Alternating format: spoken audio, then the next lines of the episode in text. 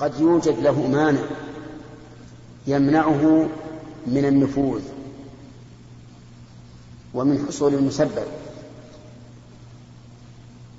وهذا القول أصح أنه عام لم يضره لا في بدنه ولا في قلبه لكن هذا من باب الأسباب والأسباب قد يوجد لها موانع. كما أن أسباب الإرث مثلا توجد في الشخص. يكون قريبا يكون زوجا يكون مولى. ثم توجد موانع تمنع نفوذ هذه الأسباب. والقاعدة العامة أن الأشياء لا تتم إلا باستكمال أسبابها وشروطها وانتفاء موانعها. فإذا طبقنا هذه القاعدة على هذا الحديث وشبهه قلنا هذا من رسول الله صلى الله عليه وآله وسلم لبيان السبب. ثم قد يوجد موانع تمنع من نفوذ هذا السبب ومن ذلك أن يعيش هذا الطفل بعد خروجه في بيئة سيئة. فقد تصرفه عن الاستقامة. لقول النبي صلى الله عليه وآله وسلم كل مولود يولد على الفطرة فأبواه يهودانه أو ينصرانه أو يمجسانه. وفي هذا الحث على أن يقول الإنسان هذا الذكر عند الجماع عند جماع أهله لأنه يكتسب به هذه الفائدة العظيمة التي لو اشتراها الإنسان بالملايين لكانت رخيصة.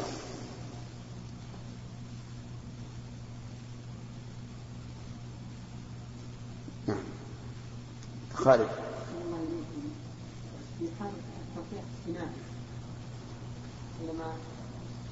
من الرجل البويضة في المرأة نعم. كيف يقال هذا أولا أنا أتوقف في التلقيح الصناعي. أتوقف في الإفتاء به. وذلك لأن خطره عظيم. فإنه يندر أن تجد طبيبا ثقة تعلم علم اليقين أنه لن يغش لكن لو وجدنا مثلا طبيبا ثقة نعلم علم اليقين أنه لن يغش ولم يدخل ماء رجل على ماء رجل آخر فإنه يقول حينما حينما يريد أن ينزل حين ينزل يقول هذا الذكر. نعم.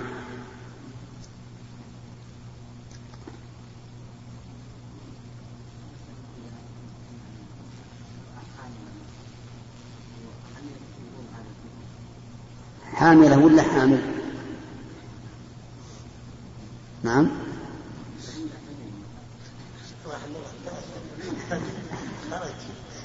كيف هذا؟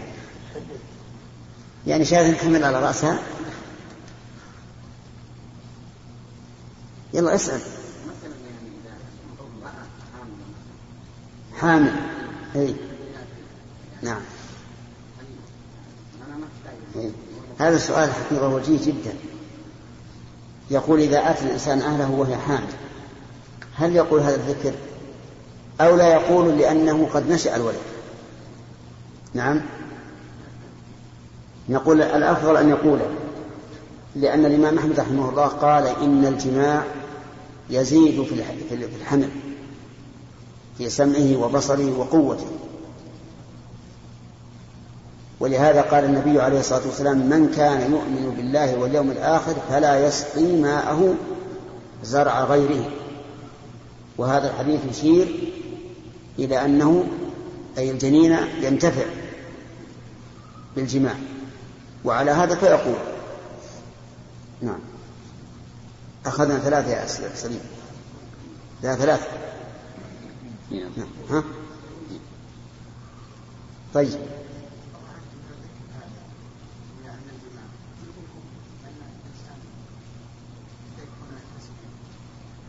عند الفعل إذا أراد أحدكم يأتي أهله حتى ولو كان كاشفا عورته لا بأس. إلا ما في إشكال. نعم. حدثنا عبد الله بن مسلمة قال حدثنا فضيل عن منصور عن إبراهيم عن همام عن عدي بن حاتم رضي الله تعالى عنه. قال سألت النبي صلى الله عليه وسلم قلت أرسل كلابي المعلمة. قال إذا أرسلت كلابك المعلمة وذكرت اسم الله فأمسكن فكل وإذا رميت بالمعراض فخرق فكل. عندنا فخزق نعم بالزاي نعم. طيب علي بن حاتم سأل النبي صلى الله عليه وسلم أنه يرسل كلابه المعلم فتأتي بالصيد قد قتلته هل يحل أو لا؟ فأخبره النبي عليه الصلاة والسلام أنه يحل لكن بشرط أن يسمي الله على ذلك. وهنا نبحث في هذا الحديث بحثا فقهيا. أولا قوله إذا أرسلت. هذا يدل أنه لابد أن يكون صاحب الكلاب هو الذي يرسلها فإن استرسل الكلب بنفسه لما رأى الصيد انطلق عليه. فهل يحل الصيد أو لا يحل؟ ظاهر الحديث أنه لا يحل لأنه قال إذا أرسلت لكن قال العلماء إن زجره فاشتد في عدوه في طلبه فإنه يحل بناء على أن هذا الزجر صار سببا في إيش؟ في إسرائه.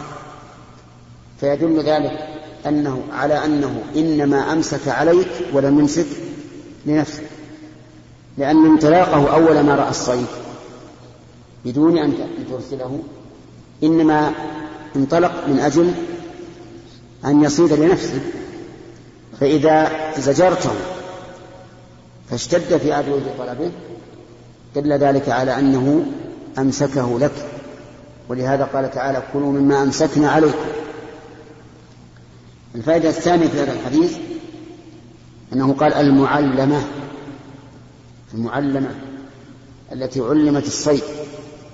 قال العلماء والتعليم هو أنه يسترسل إذا أرسل وينزجر إذا زجر.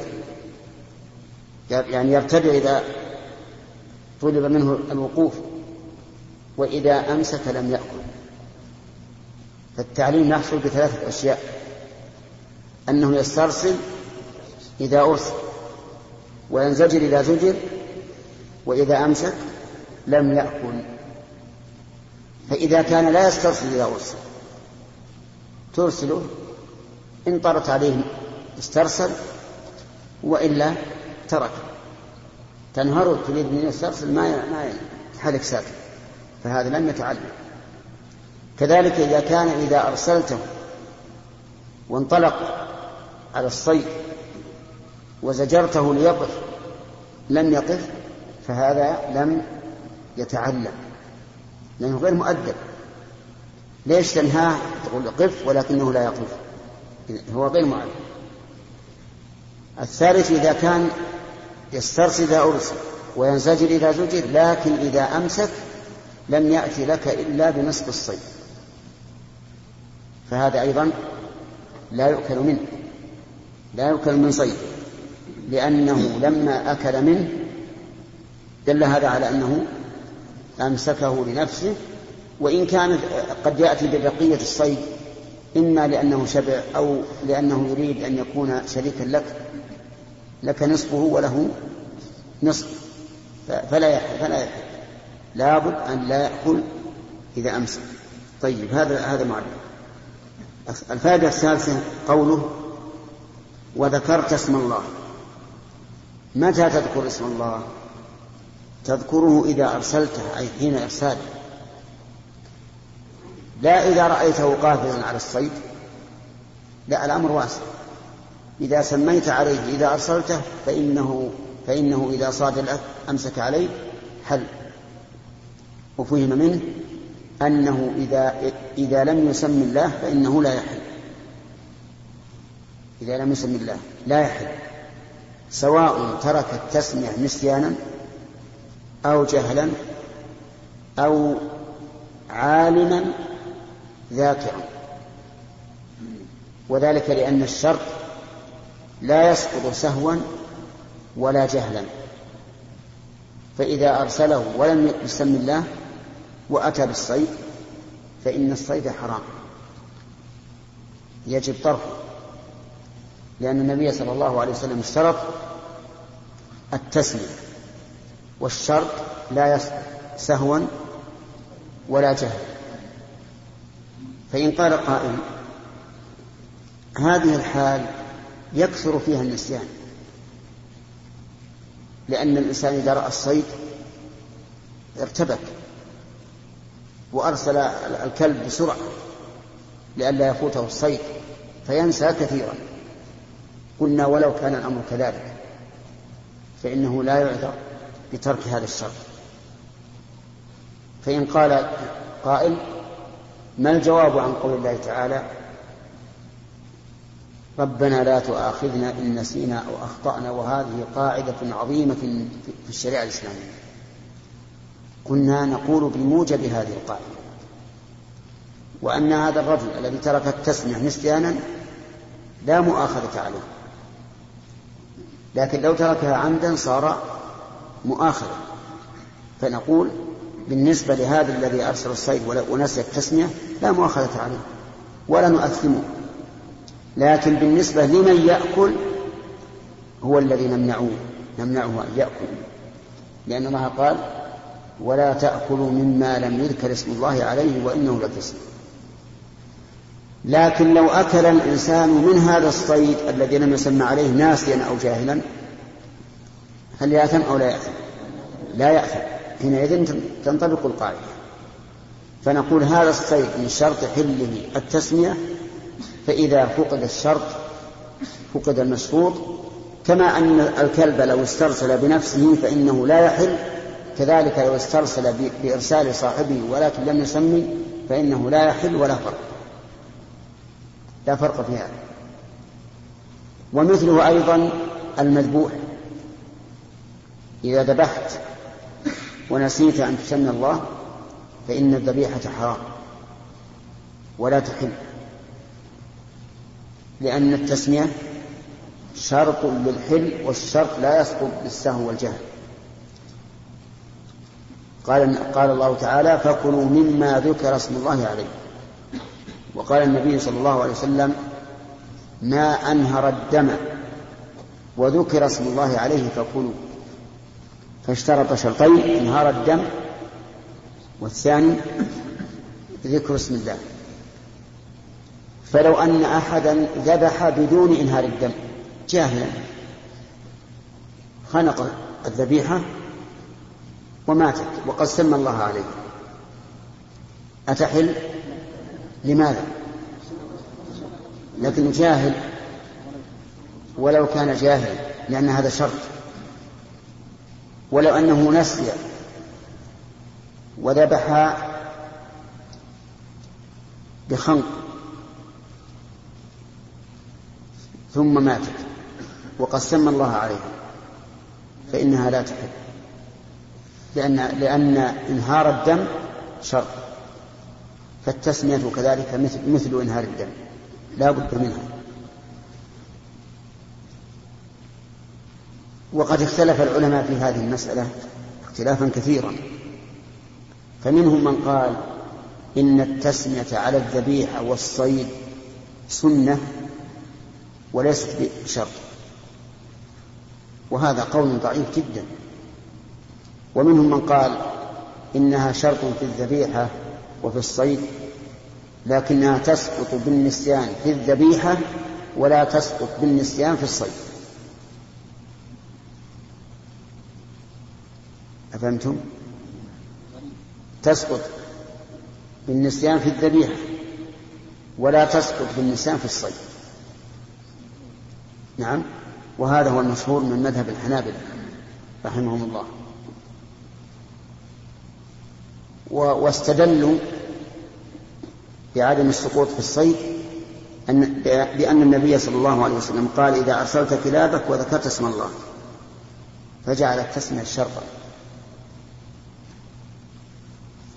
وأما الذبيحة فالتسمية واجب واجبة وليست بشرط فتسقط باللسان والجهل.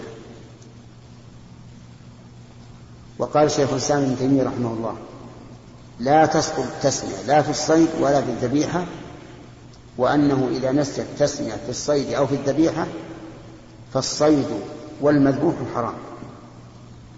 وقوله أصح وأقعد. وأما التفريق بين الصيد والذبيحة فكان مقتضى النظر أن تسقط التسمية في في الصيد دون الذبيحة لأن الذبيحة يذبحها الإنسان وهو مطمئن. هادئ النفس بخلاف الصيد وأما قولهم أن الرسول صلى الله عليه وسلم اشترط ذكر اسم الله في الصيد فنقول وكذلك أيضا في في الذبيحة. فإن النبي صلى الله عليه وسلم قال ما أنهر الدم وذكر اسم الله عليه. فكلوا إلا السن والظفر فإن السن عظم والظفر مدى الحبشة المسألة الثانية في الحديث آه قال وإذا رميت بالمعراض فخزق فكل. طيب وإن أصاب بعرضه؟ فلا تأكل المعراض مثل العصا. رميت بالعصا وكان رأسه مدببا فأصاب الصيد برأسه فخزقه حتى أنهر الدم فإنه يؤكل. وأما إذا صدم الصيد وضرب الصيد بعرضه ومات الصيد فإنه لا يؤكل لأنه داخل في قوله تعالى والموقوذة. الموقوذة هي التي تضرب بعصا أو شبهه حتى تموت. طيب ف فإن رمى الصيد بحجر وقتل وقتل الصيد وقتل الحجر الصيد بثقله. لا بحده فإنه لا يحل. لأنه كالمعراض تماما.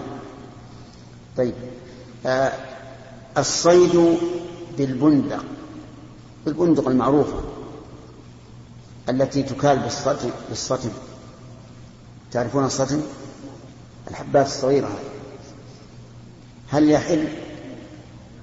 نعم. إيه, إيه،, إيه، هو سيحل نعم يحل. لأنه لا يقتل بثقله وإنما يقتل بنفوذه فهو كرأس السهم وقد اضطرب العلماء أول ما خرج هذا النوع من السهام. هل يحل أو لا؟ ولكنهم أجمعوا بعد ذلك على الحل. وقالوا كل إنسان يعرف أن الصدمة هذه لو ضربت بها الصيد لم يمت وأنها إنما تقتله بنفوذها. فيكون يكون حلالا. نعم. خالد؟ لو كان الكلب حيث إذا أرسلته قتل لأنه غير مؤدب لكني إذا لما أردت نصيب به أطعمته حتى شرب ثم أرسلته فأتى بالصيد كاملا لم يكن منه شيء فهل ما يحل لأنه غير معلم. لكنه ما ولو لم لا وما علمتم من الجوارح وما علمتم من من الجوارح المكلبين نعم.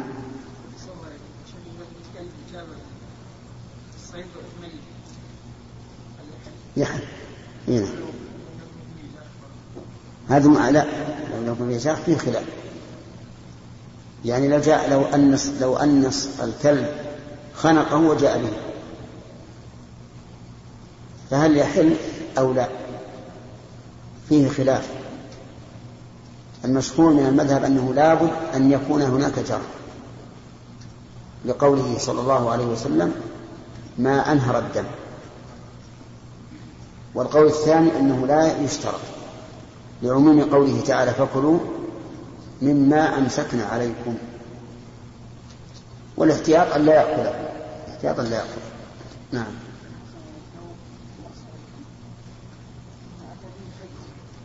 نعم.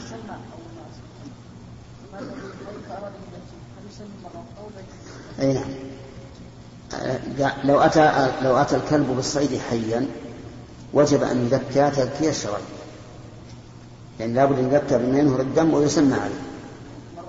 مرة أخرى نعم. أي. نعم. خزق خزق. فخزق. نعم. تعرف العصا؟ هذا المعرض رأى إنسان طيرا يطير أو أرنبا تعدو فرمى عليها العصا. إن أصاب بعرضه ضرب هكذا فإنها لا تحل وإن كان المعراض رأسه مدبر يعني دقيق بحيث أنه إذا أصاب الصيد خرقه. فإنه يحل. نعم. حدثنا يوسف بن موسى قال حدثنا أبو خالد الأحمر قال سمعت هشام بن عروة يحدث عن أبيه عن عائشة رضي الله تعالى عنها. قالت قالوا يا رسول الله إن هنا أقواما حديثا عهدهم بشرك يأتون بلحمان لا ندري يذكرون اسم الله عليها أم لا. قال اذكروا أنتم اسم الله وكلوا. تابعه محمد بن عبد الرحمن والدار وردي وأسامة بن حفص. نعم. كيف؟ محمد بن الرحمن والدراوردي وأسامة بن حفص. هو نفسه اسم يقول محمد؟ عبد الرحمن. إيش عندك؟ محمد عبد الرحمن والدراوردي. إيش بعد؟ وأسامة بن حفص. الشرح.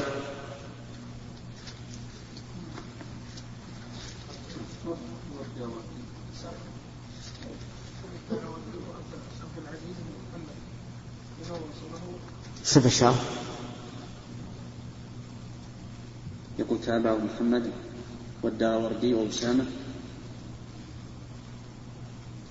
ثلاثتهم إي نعم. بس؟ نفس. ولا قال شيء ولا قال تابع من ولا؟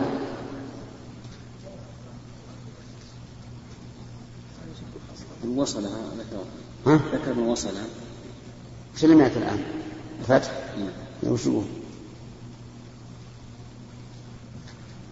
يقول قوله فيه تابعه محمد بن عبد الرحمن هو القنافي وعبد العزيز بن محمد هو الداروردي وأسامة بن حفص هو المدني. وتقدم في الذبائح بيان من وصلها وطريق الداروردي وصلها محمد بن أبي عمر العدني في مسنده عنه. وتقدم القول في هذا السند بأشبع من هذا هناك. طيب.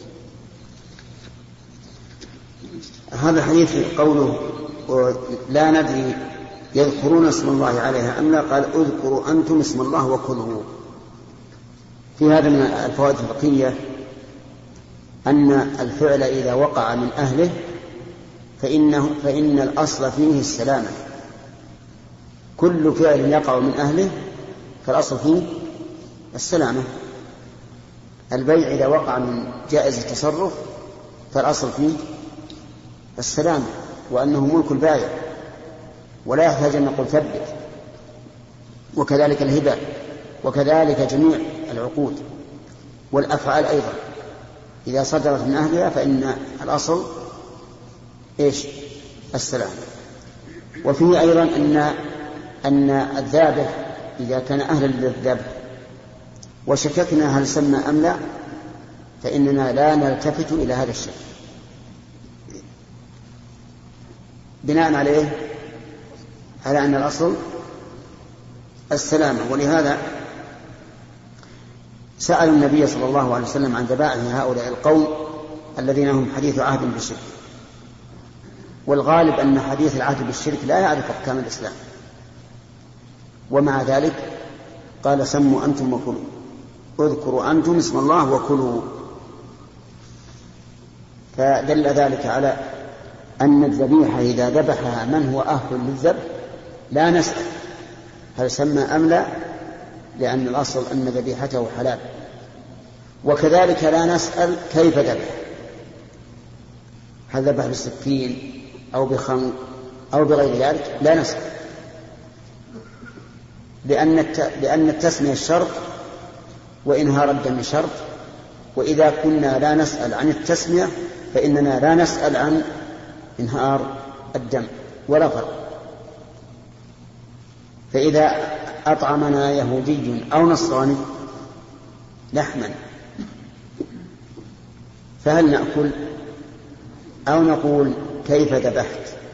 وهل سميت؟ لا لا نقول هذا. نأكل ولكن نسمي طيب. ويشعر هذا الحديث بفحواه الانتقاد عن السؤال أو أو انتقاد السؤال. لأنه لما قال سموا أنتم وكلوا كأنه قال ليس عليكم أن تبحثوا عن فعل غيركم. فإن هذا من التعمق ومن التنطع ولكن أنتم سموا على فعلكم ولا تبحثوا عن فعل غيركم. وهذا هو الموافق للشريعة الإسلامية أن الإنسان لا ينبغي له أن يتنطع ويتعمق ما دام الفعل صدر من أهله فلا تبحث وقوله سموا أنتم وكلوا هل المراد التسمية على الذبح أو على الأكل الذي على الذبح الذي هو فعل غيرهم أو على الأكل الذي هو فعلهم؟ نعم. الثاني لأن التسمية الذبح ما لا فائدة منها. انتهى الذبح. فالتسمية هنا على الأكل الذي هو فعل وفي هذا من يسر الشريعة الإسلامية وسهولتها ما فيه. وأن الإنسان لا يكلف أن يبحث. ولو أننا كلفنا أن نبحث لضاقت علينا الأمور. لكنا نقول هذا من ذبح هذا؟ فلان. ابحثوا هل هو يصلي أو لا يصلي؟ ابحثوا أيضا. هل هو قد تملك هذه الذبيحة على وجه شرعي أو لا؟ قالوا نعم اشتراها من فلان. فلان. كيف جاءت؟ قالوا استوهبها من فلان. الواهب. كيف جاءت؟ قال عوض خلع من امرأته طيب من أين جاء المرأة؟ وبقينا نتسلسل إلى ما لا نهاية له. لكن من لطف الله عز وجل أننا لا نتعمق هذا التعمق وأن الأصل في التصرف الواقع من جائز التصرف إيش السلامة والصحة نعم علي ها؟ إيه؟ يذكر أن هؤلاء الأصل فيهم مسلمين كيف؟ أن هؤلاء الذين يأتون باللحم إيه ما, ما في شك فيهم مسلمين فلما لا يبنى على الأصل هم مسلمين والمسلم يسلم ولكن غير المسلم النصراني ممن تحل ذبيحته؟ ممن تحل ذبيحته. إي نعم. إيه؟ وكذلك اليهود نعم.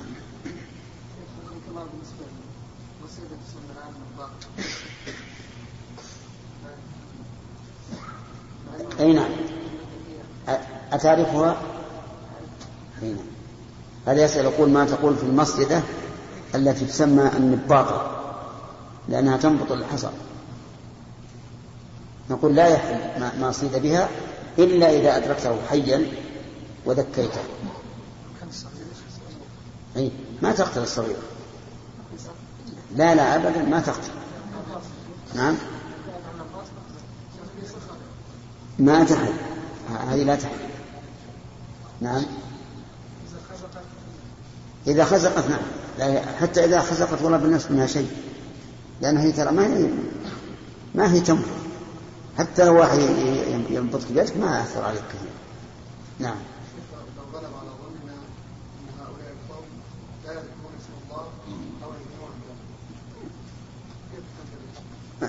سمي وكل. ما لم تتيقن أنهم لم يسموا أو لم ينهروا الدم فلا ولكن إذا شككنا هل الذابح ممن تحل ذبيحته أو لا؟ هذه النقطة التي يجب أن نفهمها. إذا شككنا هل الذابح ممن تحل ذبيحته أم لا؟ نقول إن كان هناك أصل مبني عليه. بنينا على الأصل. مثل أن نشك في رجل مسلم هل هو يصلي أو لا يصلي؟ الأصل الصلاة. أما إذا كنا إذا لم يكن لدينا أصل مثل أن شككنا في القائمين على المجزرة هل هم مسلمون أو أو مشركون أو شيوعيون أو مجوسيون فهل نأكل أو لا نأكل؟ لا نأكل لأننا الآن شككنا في أهلية الذبح لا في لا, لا في الشروط التي تترتب على ذبحه فحينئذ لا نأكله المجوسي هل تحل ذبيحته؟ ما تحل لا تحل ذبيحته. وقد قيل للإمام أحمد إن أبا ثور يرى أن المجوسي تحل ذبيحته فقال أبو ثور كاسمه. نعم شدد في هذا لأن ما قاله خلاف الإجماع. فلم يقل أحد من العلماء إن المجوس آه، تنكح نساؤهم ولا تحل ذبائحهم. ولهذا نقول إنه لا يحل لا تحل ذبيحة المجوس ولا تنكح نساؤهم. وإن كان تؤخذ منهم الجزية لأن الجزية على القول الراجح تؤخذ من كل كافر من المجوسي واليهودي والنصراني والشيوعي وكل أحد. نعم. نعم. من؟ ما لا يحل. يعني لو أن أحدا مسك الطائر هكذا ومزعه فإنه لا يحل. لأن هذا يشبه الخمر وكذلك لو فعل كما يفعل بعض الصبيان يمسكون العصفور يقتله بظفره يذبحه بظفره فإنه لا يحل. وبعضهم يذبحه بسنه. نعم. ما يحل لأنه من جنس اللي يدخل يدخل عود ويقطع الميت ما يحل. نعم. لا الصيد في أي موضع كان من بدنه. يحل إذا ضربه السهم في أي موضع من بدنه حل نعم. نعم. كم أخذنا من سؤال؟ ها؟ كيف؟ إيه لا ما ما قرب ما. نعم. حدثنا حفص بن عمر قال حدثنا هشام عن قتادة عن أنس رضي الله عنه قال ضحى النبي صلى الله عليه وسلم بكبشين يسمي ويكبر. نعم. الشاهد قوله يسمي ويكبر فذبح بسم الله. نعم. أحسن الله إليكم. لا يخفى عليكم الجمهورية الإسلامية يعني غالبا كان قبل الاحتلال الشيوعي. تدين دين الإسلام بعضهم نصراني لكن لما جاءت الشيوعية حكمت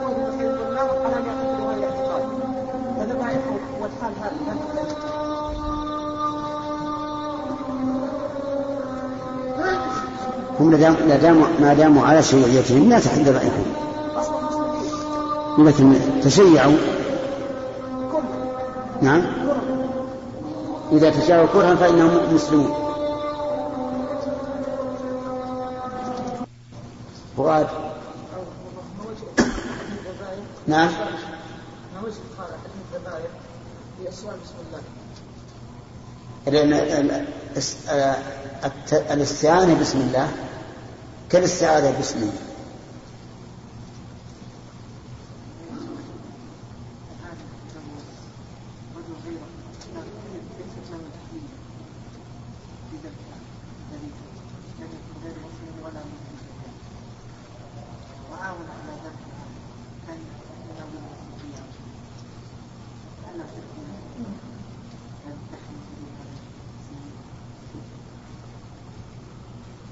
السؤال يقول لو أن غير الكتاب والمسلم أعان مشركا على الذبح هل تحل الذبيحة؟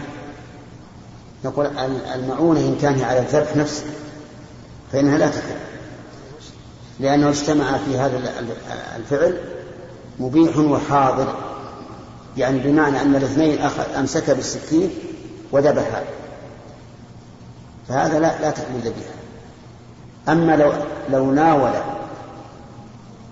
من لا تحل ذبيحته السكين من تحل ذبيحته فذبح فإنها تحل. وكذلك لو ذبح فأنهر الدم ثم كمل الذبح من لا تحل ذبيحته فهي حلال.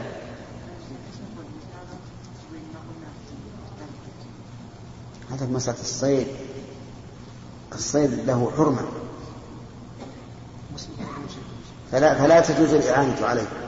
أما هذا فتحل ذبي يحل ذبح عرفت؟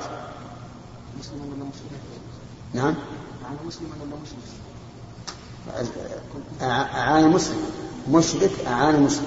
أعان مسلم. نعم. حدثنا حفص بن عمر قال حدثنا شعبة عن الأسود بن قيس عن جندب رضي الله تعالى عنه أنه شهد النبي صلى الله عليه وسلم يوم النحر صلى ثم خطب فقال من ذبح قبل أن يصلي فليذبح فليذبح مكانها أخرى ومن لم يذبح فليذبح بسم الله. الشاهد قوله فليذبح بسم الله. وفي هذا دليل على أن فوات الشرط لا لا يسقط أن الشرط لا يسقط بالجهل لقوله من ذبح قبل أن يصلي فليذبح مكانها أخرى. فإن عمومه يقتضي أنه وإن كان جاهلا. ولهذا لما قال أبو بردة بن يا رسول الله إنني ذبحت قبل قبل أن آتي إلى الصلاة من أجل أن يطعم أهلي ويأكلوا يعني مبكرين. فأمره النبي صلى الله عليه وسلم أن يذبح بدله وقال له إن شاتك شاة لحم مع أنه كان جاهلا لكن الشرط لا يسقط بالجهل كما ذكرنا قبل الأذان. نعم نعم.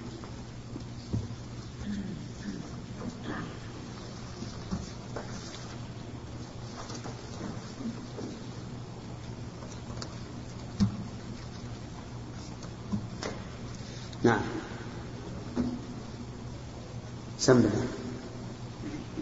حدثنا أبو نعيم قال حدثنا ورقاء عن عبد الله قال ومن لم يذبح فليذبح بسم الله. استنبط بعض العلماء من قوله صلى الله عليه وسلم فليذبح بسم الله أن الجار والمجرور في البسملة ينبغي أن يكون متعلقه فعلا مناسبا للعمل الذي ابتدأته بالتسمية فمثلا إذا أراد الإنسان يتوضأ وقال بسم الله ما متعلق البسملة؟ أتوضأ. وإذا أراد أن يدخل المسجد يقول بسم الله أدخل. نعم. حدثنا أبو نعيم قال حدثنا ورقاء عن عبد الله بن دينار عن ابن عمر رضي الله تعالى عنهما قال قال النبي صلى الله عليه وسلم لا تحلفوا بآبائكم ومن كان حالفا فليحلف بالله. قوله عليه الصلاة والسلام لا تحلفوا بآبائكم. إنما خص الآباء لأنه الغالب كانوا يحلفون بآبائهم. ثم أرشد لما نهى عن الحلف بالآباء أرشد إلى ذكر من يحلف به وهو الله. فقال ومن كان حالفا فليحلف بالله. فدل ذلك على تحريم الحلف بالآباء. ومثله الحلف بأي مخلوق كان. لقول النبي صلى الله عليه وسلم من حلف بغير الله فقد كفر أو أشرك. حتى بالرسول عليه الصلاة والسلام لا لا لا يجوز الحلف به. حتى بجبريل حتى بالعرش. أي مخلوق فإنه لا يجوز الحلف به فمن حلف به فقد أشرك. شو مناسبة الحديث الباب يقول حديث ابن عمر لا تحلفوا بآبائكم تقدم شرحه في الأيمان والنذور. قال نعيم بن حماد في الرد على الجهمية. دلت هذه الأحاديث عن الواردة في الاستعاذة بأسماء الله وكلماته والسؤال بها مثل حديث الباب وحديث عائشة وأبي سعيد باسمك الله باسمك بسم الله أرقيك وكلاهما عند مسلم عند مسلم. وفي الباب عن عبادة وميمونة وأبي هريرة وغيرهم عند النسائي وغيره بأسانيد جياد على أن القرآن غير مخلوق إذ لو كان مخلوقا لم يستعاذ بها. إذ لا يستعاذ بالمخلوق قال الله تعالى فاستعذ بالله. وقال النبي صلى الله عليه وسلم وإذا استعذت فاستعذ بالله. وقال الإمام أحمد في كتاب السنة قالت الجهمية لمن قال إن الله لم يزل بأسمائه وصفاته قلتم بقول النصارى حتى جعلوا معه غيره فأجابوا بأننا نقول إنه واحد بأسمائه وصفاته. إلى آخره. ما أدري. ما ذكر. يقول أين نعم. يقول طبقة في قوله فليحلف بالله بس ما في استعاذة ما في استعاذة ولا سؤال. لكن إن كان من وجه بعيد أن يقال الحلف بالله تعظيم له فيكون في هذا تعظيم أسماء الله. وإذا عظم أسماء الله صارت محلا للاستعاذة. من هذا الوجه يمكن لكنه فيه شيء من البعد. ثم إن قوله إن الاستعاذة لا تكون بالمخلوق ليس هذا على إطلاق.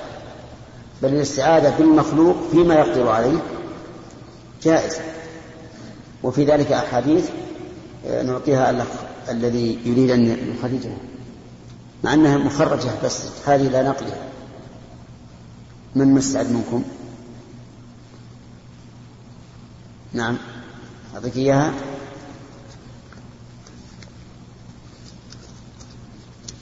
هذه. يقول فعادت المخزومية بأم سلمة يعود عائد بالبيت. ومن وجد فيها ملجأ فليعوذ به. أعوذ برسول الله. من كان نعم متعوذا فمن وجد فيها ملجأ أو معاذا خذ. تأتي بها غدا إن شاء الله. فيها أرقام بس تجيب الأحاديث. نعم.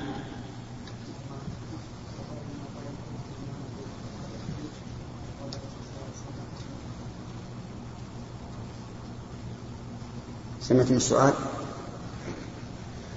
يقول كيف نجمع بين نهي الرسول صلى الله عليه وسلم عن الحلف بالآباء مع أنه حلف عليه الصلاة والسلام فقال أفلح وأبيه إن صدق. أفلح وأبيه إن صدق. في قصة الرجل الذي سأل عن الإسلام فقال والله لا أزيد على هذا ولا أنقص. فقال الرسول صلى الله عليه وآله وسلم أفلح وأبيه إن صدق. أفلح وأبيه وقد اختلفت أجوبة العلماء في هذا. فقال بعضهم إن في هذا تصحيفا وأن الأصل أفلح والله لكن لما كانوا في الأول لا ينقطون الكلمات ولا يضعون عليها الحركات صارت والله أفلح والله صدق قريبة من أبيه. ولا شك أن هذا خطأ. لأن الأحاديث رويت بالنقل بالقول والنقل بالكتابة. والذين رووه رووه أفلح وأبيه. ثانيا قال بعضهم هذا قبل النهي عن الحلف بالآباء. هذا قبل النهي عن حلف الآباء وهذا القول يحتاج إلى شيء. ما هو؟ ها؟ التاريخ. التاريخ. وقال بعض العلماء إن هذا مما يجري على اللسان بلا قصد. فهو كقوله ثكلتك أمك يا معاذ هذه ثلاث تقوى. وقال بعض العلماء إن النبي صلى الله عليه وسلم يستحيل أن يكون في قلبه من تعظيم المحلوف به مثل ما يكون في قلب غيره. وعلى هذا فيكون مستثنى أيها الإخوة في ختام هذه المادة نسأل الله أن نلقاكم في لقاءات متجددة. مع تحيات مؤسسة الاستقامة الإسلامية. للإنتاج والتوزيع في عنيزة. شارع هلالة رقم الهاتف والناسخة الهاتف